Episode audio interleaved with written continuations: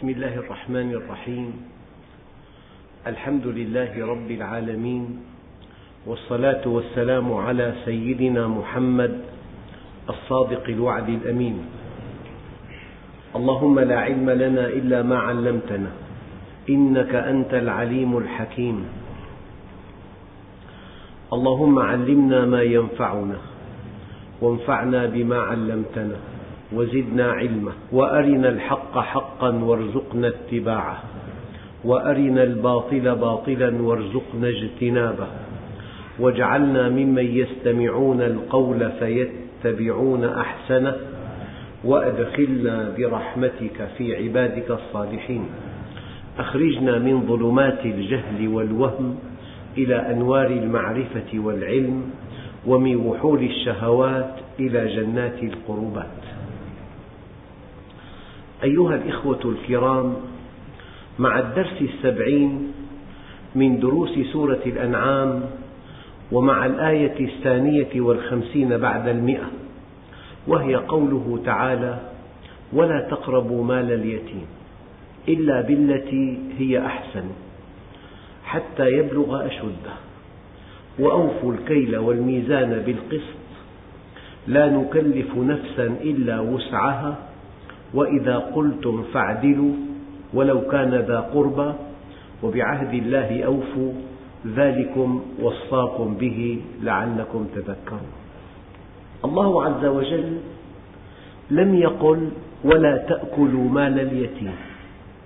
قال ولا تقربوا. وفرق كبير بين أن يقول الله عز وجل ولا تأكلوا وبين أن يقول ولا تقربوا. أي لا تفكر أن تأكل ماله. لا تسمح لخاطر يرد إليك أن تأكل ماله. لا تخلط مالك بماله والحكم هو الحساب. اجعل ماله في مكان واجعل مالك في مكان. لا تقترب من أن تأكل ماله. لعظم حق اليتيم على المجتمع. لأن اليتيم من فقد أباه ولم يبلغ مبلغ الرجال. كلنا أيتام. فقد أباه ولم يبلغ مبلغ الرجال. أيها الإخوة لكن هنا مفروض أن اليتيم له مال. وكأن في هذا الكلام الإلهي إشارة إلى أنه ينبغي أن يكون هناك مالا لليتيم يكون سبب قوام حياته. يعني ليحرص الأب على أن يدع لأولاده مالا.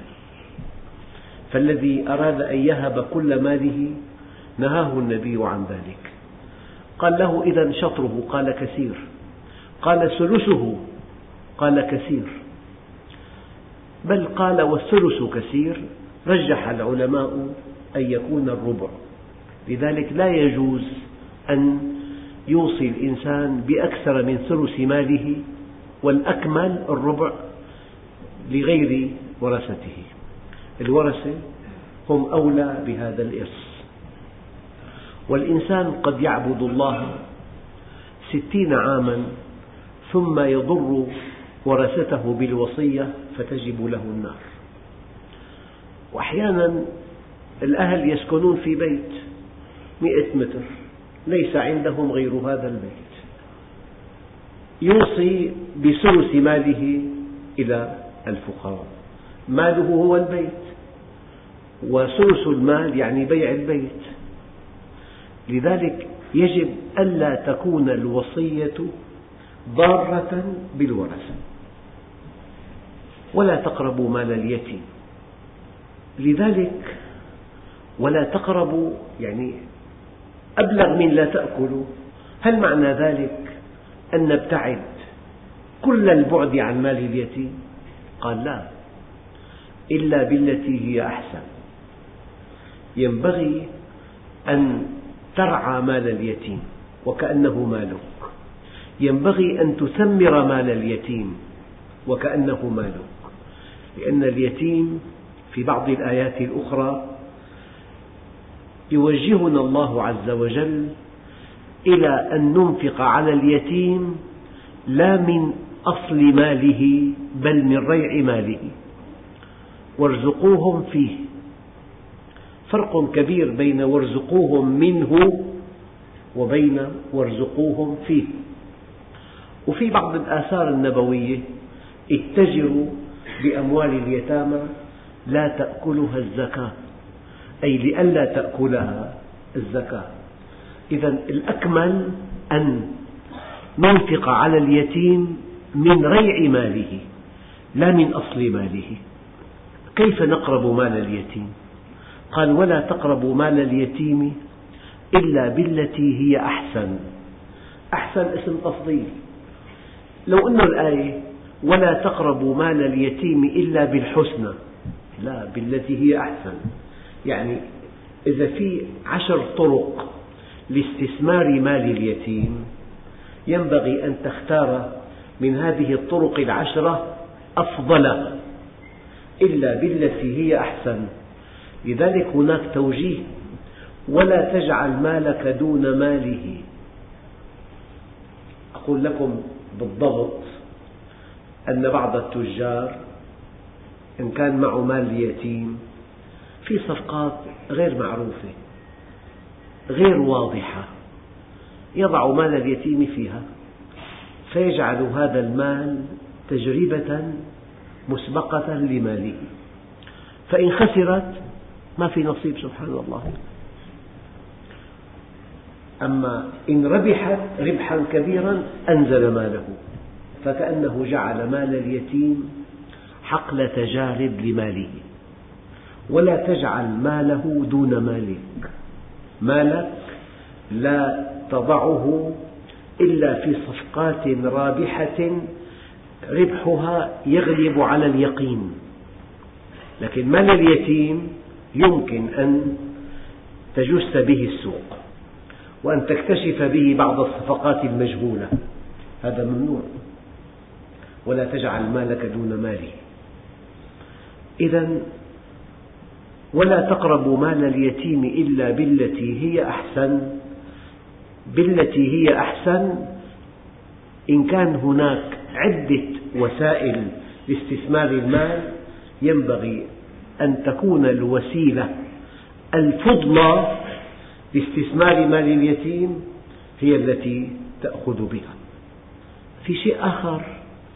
الله عز وجل يقول في آيات أخرى توضح بعض أفكار هذا الموضوع.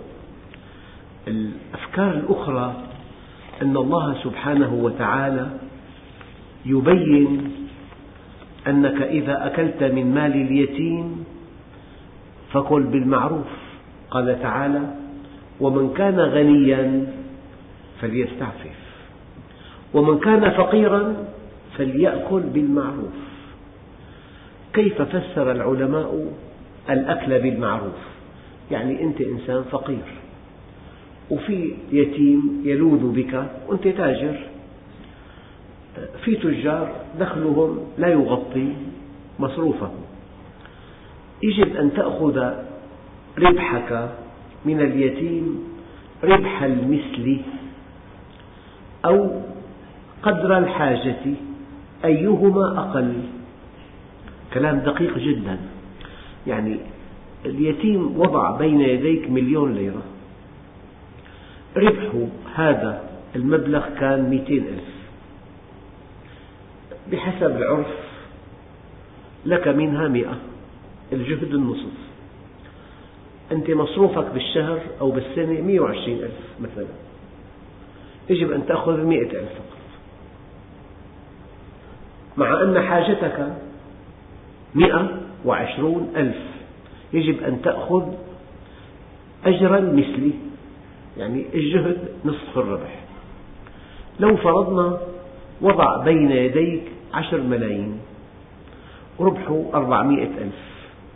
أنت حاجتك مئة وعشرين ألف. يجب أن تأخذ المئة وعشرين ألف. يعني أجر المثل أو حاجتك أيهما أقل هذا معنى ومن كان غنيا فليستعفف ومن كان فقيرا فليأكل بالمعروف. أيها الإخوة موازين دقيقة جدا لأن الله سبحانه وتعالى يقول أرأيت الذي يكذب بالدين؟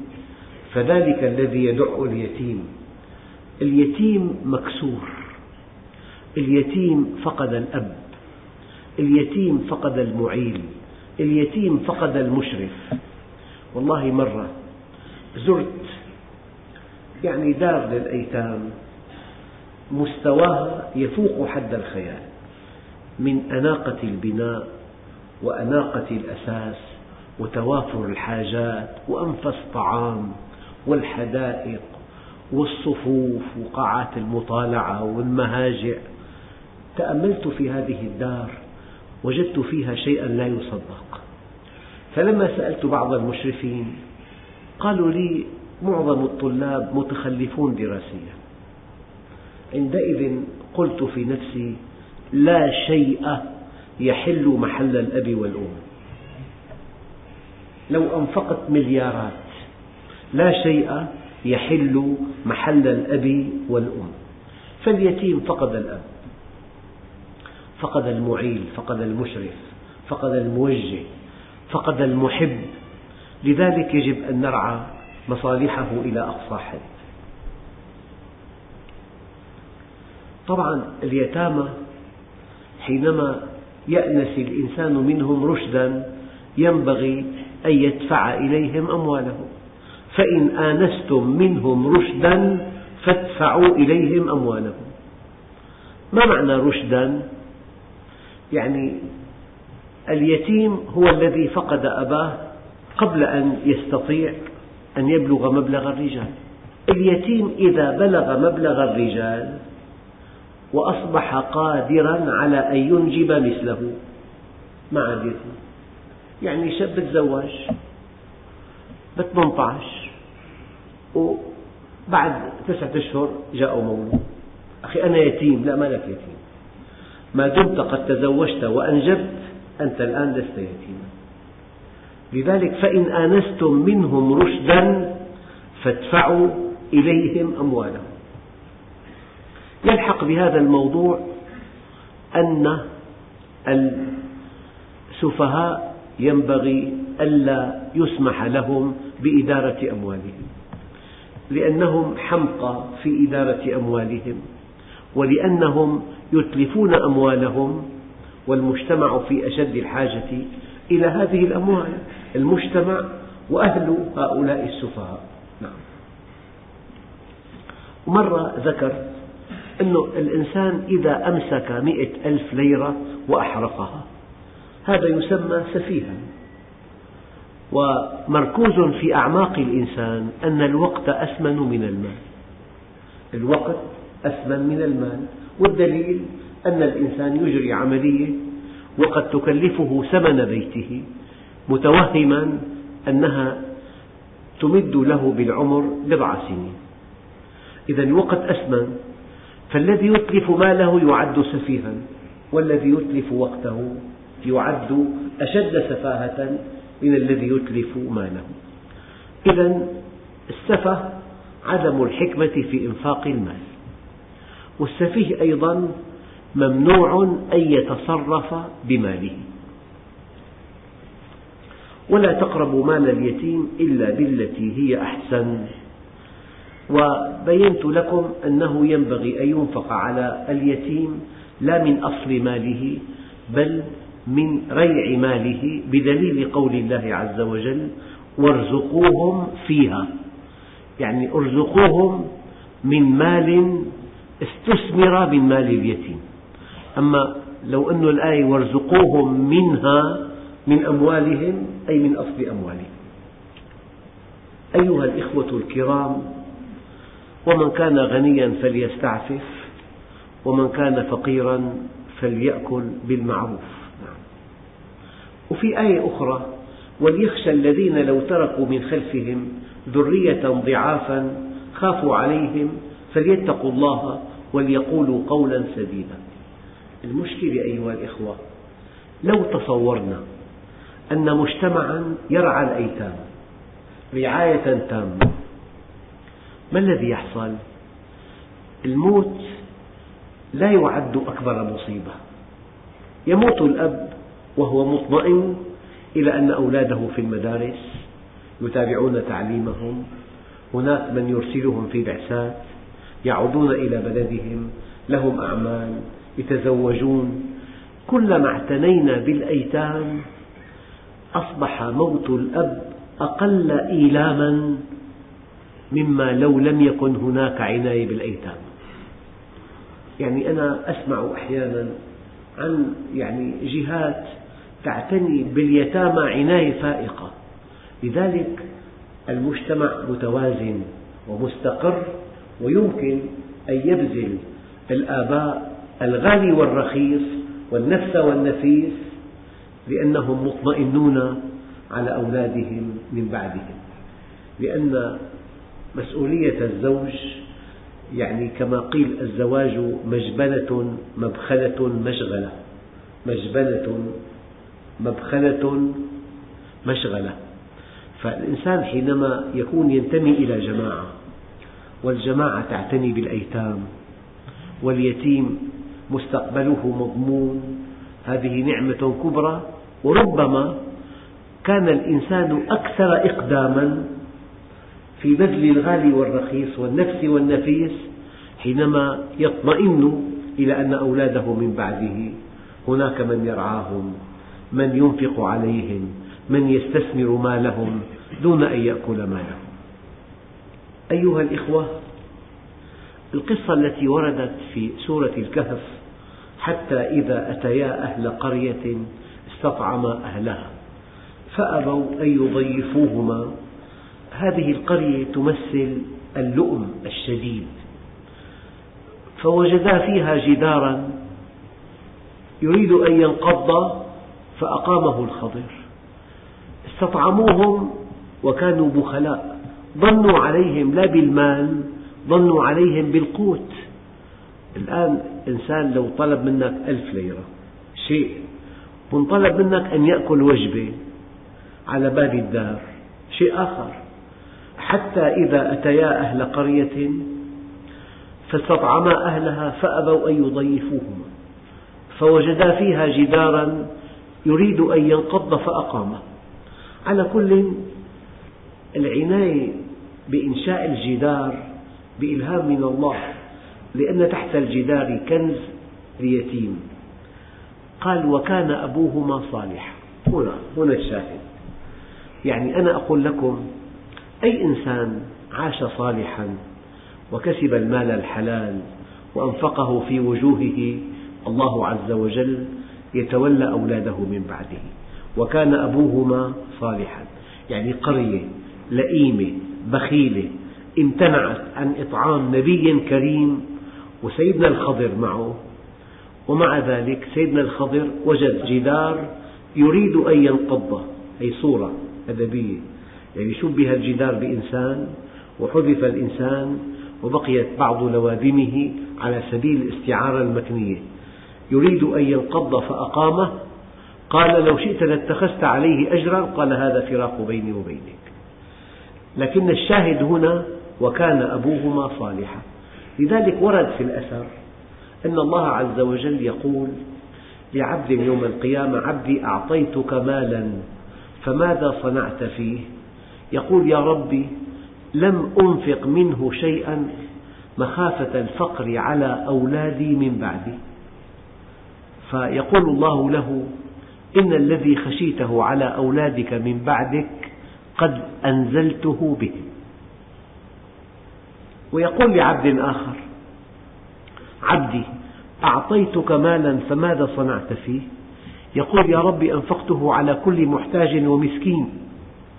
لثقتي بأنك خير حافظا وأنت أرحم الراحمين. فقال عبدي أنا الحافظ لأولادك من بعدك. هذا الكلام أيها الإخوة كل واحد منا إذا كسب المال الحلال وأنفقه في وجه حلال وكان صالحا مكافأة له على صلاحه وعلى استقامته وعلى كسب المال الحلال وإنفاقه في الوجوه الصحيحة الله عز وجل يحفظ له أولاده من بعده. يعني مثلا إنسان بيسافر من أدعية السفر اللهم أنت الرفيق في السفر. والخليفة في الأهل والمال والولد. ما في بالكون إلا جهة واحدة هي الله عز وجل. معك في السفر ومع أهلك في الحضر. إذا أنت الرفيق في السفر والخليفة في الأهل والمال والولد. لذلك الإنسان حينما يكون مع الله يلقي الله في قلبه الأمن والطمأنينة. أيها الإخوة ولا تقربوا مال اليتيم إلا بالتي هي أحسن حتى يبلغ أشده وأوفوا الكيل والميزان بالقسط. الكيل يعني قياس الحجوم. الكيل أساسه الحجوم والميزان أساسه الكثافة. يعني في قطعة حديد لها وزن كبير وفي قطعة إسفنج لها وزن خفيف. فالوزن يقيس كثافة الشيء. طبعا الماء الكثافة واحد. الزئبق من أشد المعادن كثافة. الآن الإسمنت في الصناديق الحديدية يضعون الإسمنت الإسمنت له كثافة عالية جدا. فبالوزن نقيس الكثافة وبالكيل نقيس الحجوم والقماش يقاس بالأمتار. والذهب بالقراريط وكل شيء له قياس يتناسب مع طبيعته لذلك ميزان الصائغ لو أن المروحة توجهت نحو إحدى كفتيه لرجحت. في ميزان بزين شاحنات ستين طن. طبعا لو مشى فوق هذا الميزان إنسان لا يتحرك الميزان. وفي موازين إلكترونية. تزن ورقة بواحد من مئة ملغرام تكتب عليها كلمة ترجح الكفة. وزن الحبر. في ميزان يزن حبر الكلمة وفي ميزان يزن ستين سبعين طن. فالموازين والإنسان كلما ازداد إيمانه دق ميزانه. كلما ازداد إيمانه دق ميزانه. إذا وأوفوا الكيل والميزان بالقسط. يعني مثلا أنت ممكن أثناء كيل القماش إن كنت تشتري القماش يشكل خط منحني على المتر ترخيه وإن كنت تبيع بتشده حتى يتمزق. هذا كيل غير صحيح. بيكون بضاعة غالية جدا.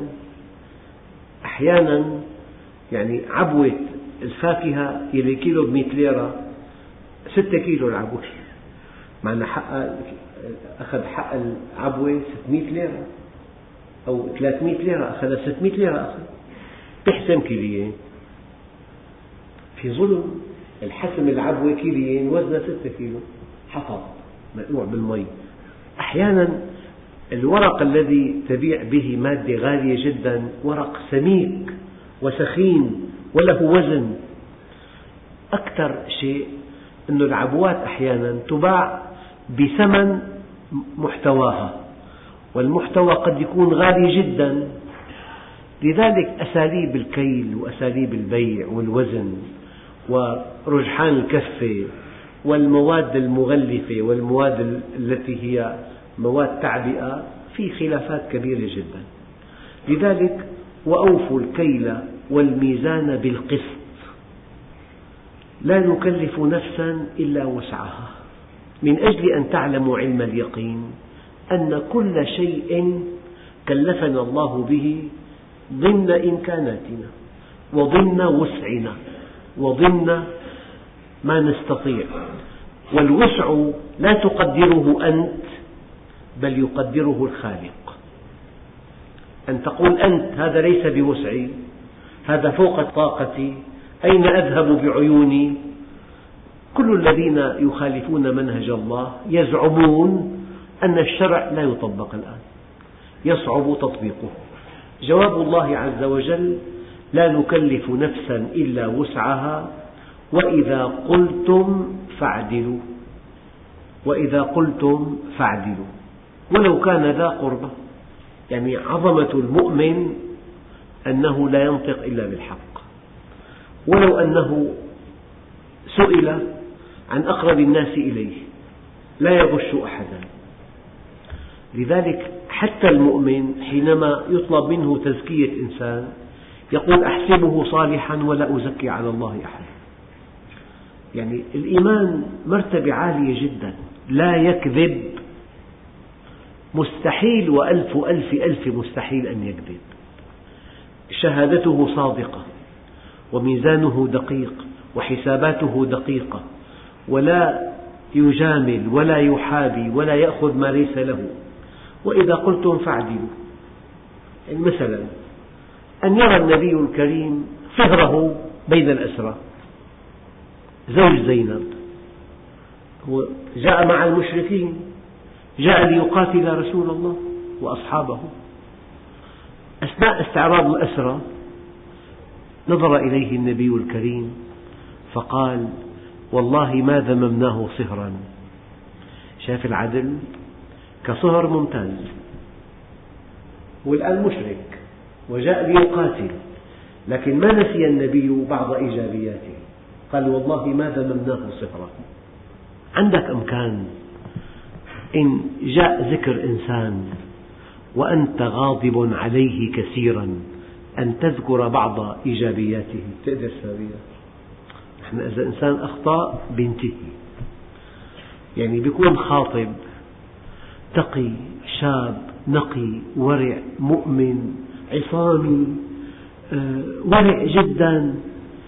حينما ينشأ مشكلة ويفسخ العقد بصير يصاب بالصرع بصير في معه أمراض وبصير خبيث وبصير كذاب.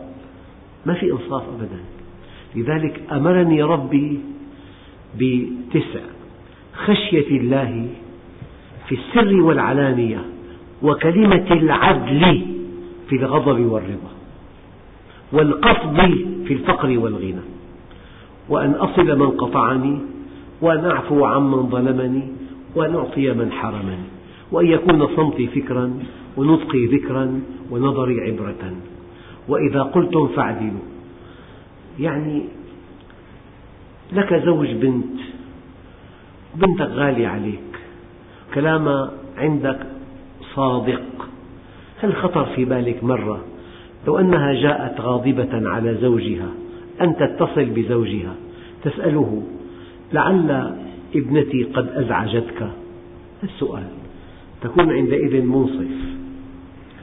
نحن أيها الإخوة يسحق الناس من عدم الإنصاف. ما في إنصاف؟ يعني بنت في البيت وزوجة ابن في البيت. البنت تستيقظ ظهرا. تعبانة مسكينة تعبانة. تتأخر الساعة تسعة زوجة الابن. تقوم عليها الدنيا ولا تقوم. ما في مكيال واحد. البنت لها مكيال وزوجة الابن لها مكيال. بيكون بالمحل في صانع وفي ابن. حملنا الصانع بضاعة. ما عاد يقدر يحمل. شاب أنت. الابن حمل قطعة واحدة. بابا اوعى ظهرك. شو هالتناقض؟ ما في عدل. ما في عدل. يعني في تناقضات يعني في طرف كثيرة جدا أنا بسميها طرف يعني. أنه في إنسانة اشترى صهرها لزوجته غسالة جيدة دعت له ليل نهار فلما اشترى ابنها لزوجته غسالة مشابهة لتلك أقامت عليه الدنيا طيب لماذا كنت راضية على صهرك الذي أتى لابنتك بآلة جديدة ولم تكوني راضية على ابنك لأنه أراح زوجته من بعض الأعباء. ما في إنصاف. ما في إنصاف نحن بعيدون عن الله. يجب أن تنصف الناس من نفسك. في خطأ من قبلك ما تعترف أنت قوي لأنك. هل عندك إمكان أن تقول لزوجي أنا أخطأت؟ سامحيني. عندك إمكان تحكي الكلام؟ هي البطولة. الرجوع للحق فضيلة ما في إنصاف. وإذا قلتم فاعدلوا. يعني أحيانا نمدح زيادة عن الحق وأحيانا نذم زيادة عن الحق. ما في إنصاف. لذلك الموضوعية والعلم يلتقيان بهذه النقطة. يعني أنت حينما تكون موضوعي أنت أخلاقي. وحينما تكون موضوعي أنت علمي. متى يلتقي العلم بالأخلاق؟ في قيمة اسمها الموضوعية. يعني حتى بين الدعاة. ما بنعرف قيمة بعضنا أبدا. يعني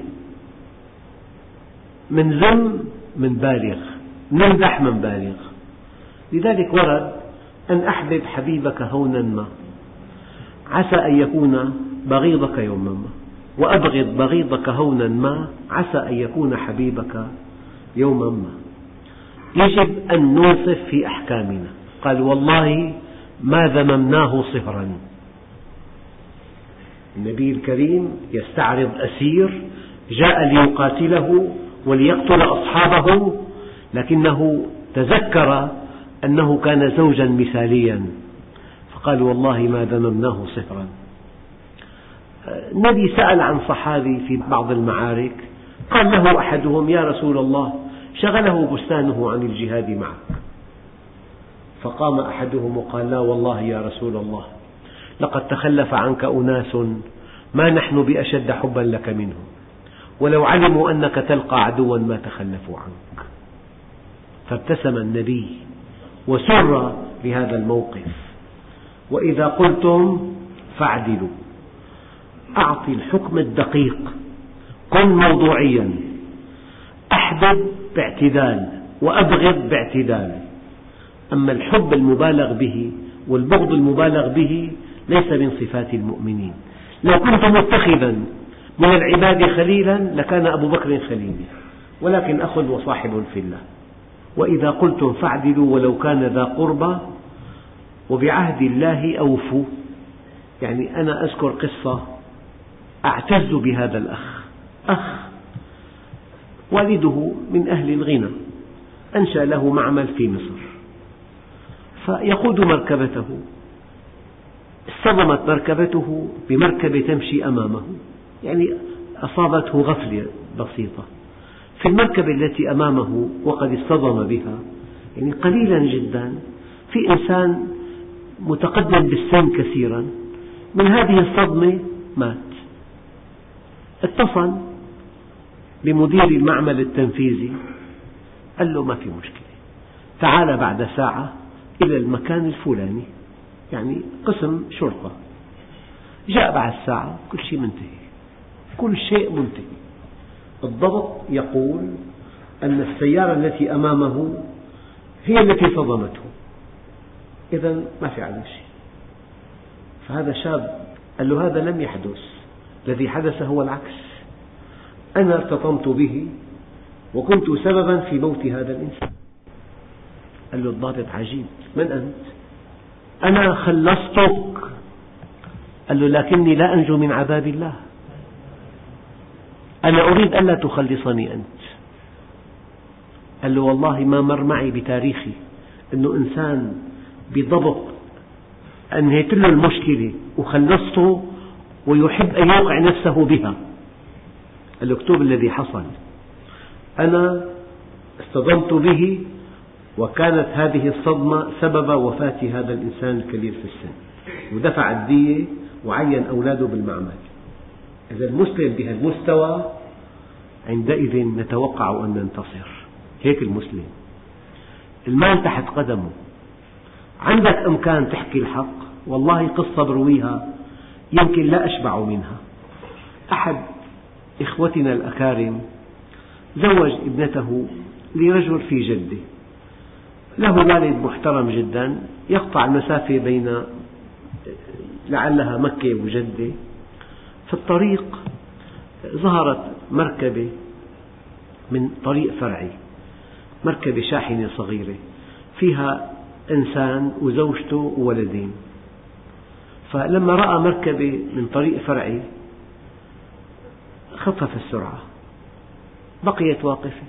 لما رآها بقيت واقفة تابع السير ورفع السرعة. بعد أن اقترب منها انطلقت إلى عرض الطريق فصدمها. ومات ماتت الزوجة وولدين. جاءت الشرطة.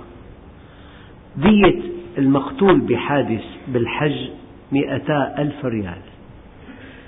دية المقتول بحادث بغير الحج مئة ألف. ثلاثة ماتوا ضرب مئتين ستمية ضرب خمسة عشر اليوم خمسة عشر مات عشر ملايين. عشر ملايين ترتب على سائق السيارة. فالبدوي لما جاءوا الشرطة قالوا والله الحاج علي ما له علاقة خسر عشر ملايين. وإذا قلتم فعدلوا أقسم بالله هالقصة عندي أبلغ من كل حضارة الغرب. كل شيء تسمعه كذب كله كذب. بهدموا بيت بريء جدا أسرة مدنية أطلقوا الرصاص منه. خلاص تغطت صدر إطلاق رصاص منه. قال له والله الحق علي ما له علاقة. خسر عشر ملايين. عندك إمكان تحكي الحق. ولو خسرت إذا كنت كذلك أبشر. أنت مؤمن ورب الكعبة. الضبط أنهلوا المشكلة بس وجد أن الله عز وجل لن يسامحه. فلذلك وإذا قلتم فاعدلوا. تقول أخي هذا للقضاء لا إلك. الحجر ضج بالشكوى إلى الله. قال يا رب عبدتك خمسين عاما وتضعني في أس كنيف فقيل للحجر تأدب يا حجر إذ لم أجعلك في مجلس قاض ظالم. يعني مكان الحجر في الكنيف في بيت الخلاء أشرف ألف مرة من أن يكون الحجر في مجلس قاض ظالم. وفي تعليق أن النبي الكريم يقول قاضيان إلى النار وقاض إلى الجنة. القضاء لما زعيم بريطانيا عقب الحرب العالمية الثانية. سأل وزراء وزير وزير كيف الصناعة عندك يا سيد فلان؟ قال له المعامل كلها قد خربت. كيف الزراعة عندك يا مستر فلان؟ قال له الحقول محروقة. كيف الخزانة عندك يا سيد فلان؟ قال له الخزانة خاوية. كيف العدل عندك يا سيد فلان؟ قال له العدل بخير. قال له كلنا إذا بخير. إذا كان العدل بخير كلنا إذا بخير. وإذا قلتم فاعدلوا. كل واحد منكم قاضي قاضي بين ولدين أحيانا بين بنتين بين الأبن والبنت بين الصهر والبنت. صح الكلام؟ أنت قاضي. قاضي بالمحل التجاري. ممكن تبيع حاجة وفيها خلل. يقول لك فيها خلل. لا منك فتحتها معك حيجة خلاص. فتحتها فتح على ما تشتغل خلاص منك وإذا قلتم فاعدلوا. ولو كان ذا قربى ولو كان على ابنك ويم الله لو أن فاطمة بنت محمد سرقت لقطعت يدها. هذا الإسلام. هذا الإسلام. كان عمر إذا أراد إنفاذ أمر جمع أهله وخاصته. وقال إني قد أمرت الناس بكذا ونهيتهم عن كذا والناس كالطير إن رأوكم وقعتم وقعوا ويم الله لا أتين بواحد وقع فيما نهيت الناس عنه إلا ضاعفت له العقوبة لمكانه مني فصارت القرابة من عمر مصيبة مصيبة أن تكون قريب من عمر لا لا العقاب مضاعف هذا هو الإسلام وإذا قلتم فاعدلوا ولو كان ذا قربى وبعهد الله أوفوا. أحد الصحابة أثناء الهجرة ألقي القبض عليه. قال لمن ألقى القبض عليه؟ والله إن أطلقتموني لن أحاربكم. أطلقوا سراحه ذكر هذا للنبي الكريم فرح به. بعد عدة سنوات في غزوة الصحابي من شدة فرحة بالإسلام انخرط بالغزوة. قال له ارجع ألم تعاهدهم؟ ارجع. هذا الدين. شهد الله حينما يضيع المسلمون عهودهم يسقطون من عين الله. ألا لا إيمان لمن لا محبة له؟ ألا لا إيمان لمن لا محبة له؟ ولا دين لمن لا عهد له؟ طالبان على مقعد الدراسة. كبروا صار واحد تاجر متواضع جدا وتاجر أبنية كبير جدا. فاضطر الأول أن يرجو الثاني عند زواجه أن يؤجره بيتا. قال له ما عندي أنا عندي بيوت للبيع فقط. فلما ألح عليه أصر على اعتذاره. بعد حين التقى به ثانية. قال له والله مضطر. وعهد الله إن أجرتني بيتا وطلبته مني أعطيك إياه في أيام ثلاثة. رق له وفي عنده بيت ببعض أحياء دمشق الغالية. ما انباع معه. أرضي. أجره إياه بعدين الأسعار ارتفعت إلى أن صار ثمن البيت قريب مليون ليرة. التقى معه صاحب البيت قال له أنت وعدتني ثلاثة أيام. أنا حأعطيك ست أشهر بدي البيت. قال له حاضر. ثاني يوم طرق باب صاحب البيت قال له هي المفتاح. صعق. فما صدق. اجى على البيت. فتح صار نظف مرتب. جاهز للسكن. لما أغلق الباب انفتح باب الجيران. سألوه كم أعطيته؟ تعويض مقابل إخلاء البيت. قال ما أعطيته شيئا هو عاهدني أن يخرج وخرج.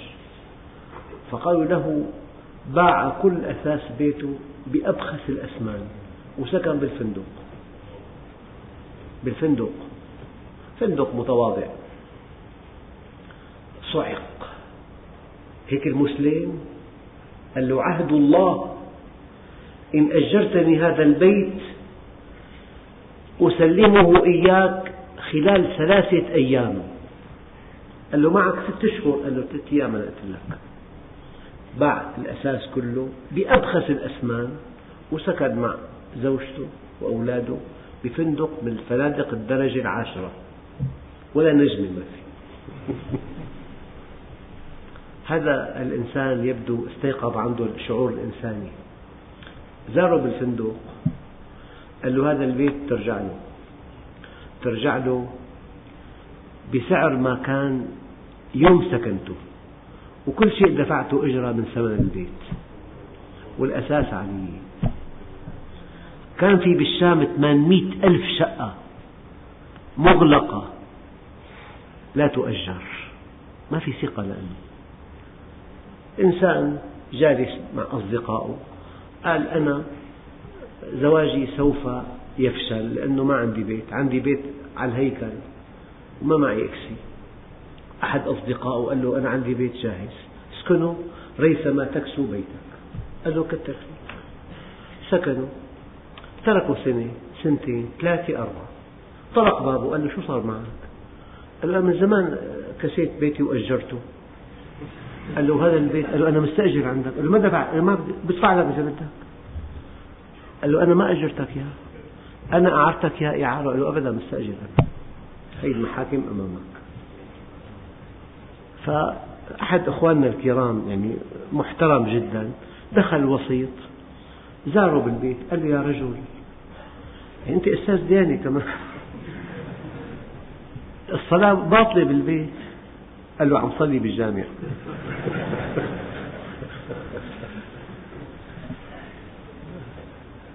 قيمتك بعهدك.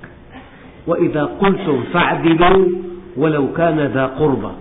وبعهد الله أوفوا. ذلكم وصاكم به لعلكم تذكرون. وأن هذا صراطي مستقيما الحق واحد. الحق لا يتعدد. والحق يصل إلى الله. إن سرت على طريق الحق المآل إلى الله. إقبالا وعبادة وسلامة وسعادة وجنة عرضها السماوات والأرض. وأن هذا صراطي مستقيما فاتبعوه. وفي بين نقطتين مليون خط منحني ومنكسر. هذا الباطل. الباطل يتعدد. لذلك وأن هذا صراطي مستقيما فاتبعوه. ولا تتبعوا السبل جمع فتفرق بكم عن سبيله. يخرجهم من الظلمات جمع إلى النور مفرد. الحق لا يتعدد والحرب بين حقين لا تكون وبين حق وباطل لا تطول وبين باطلين لا تنتهي. وأن هذا صراطي مستقيما فاتبعوه ولا تتبعوا السبل فتفرق بكم عن سبيله ذلكم وصاكم به لعلكم تتقون والحمد لله رب العالمين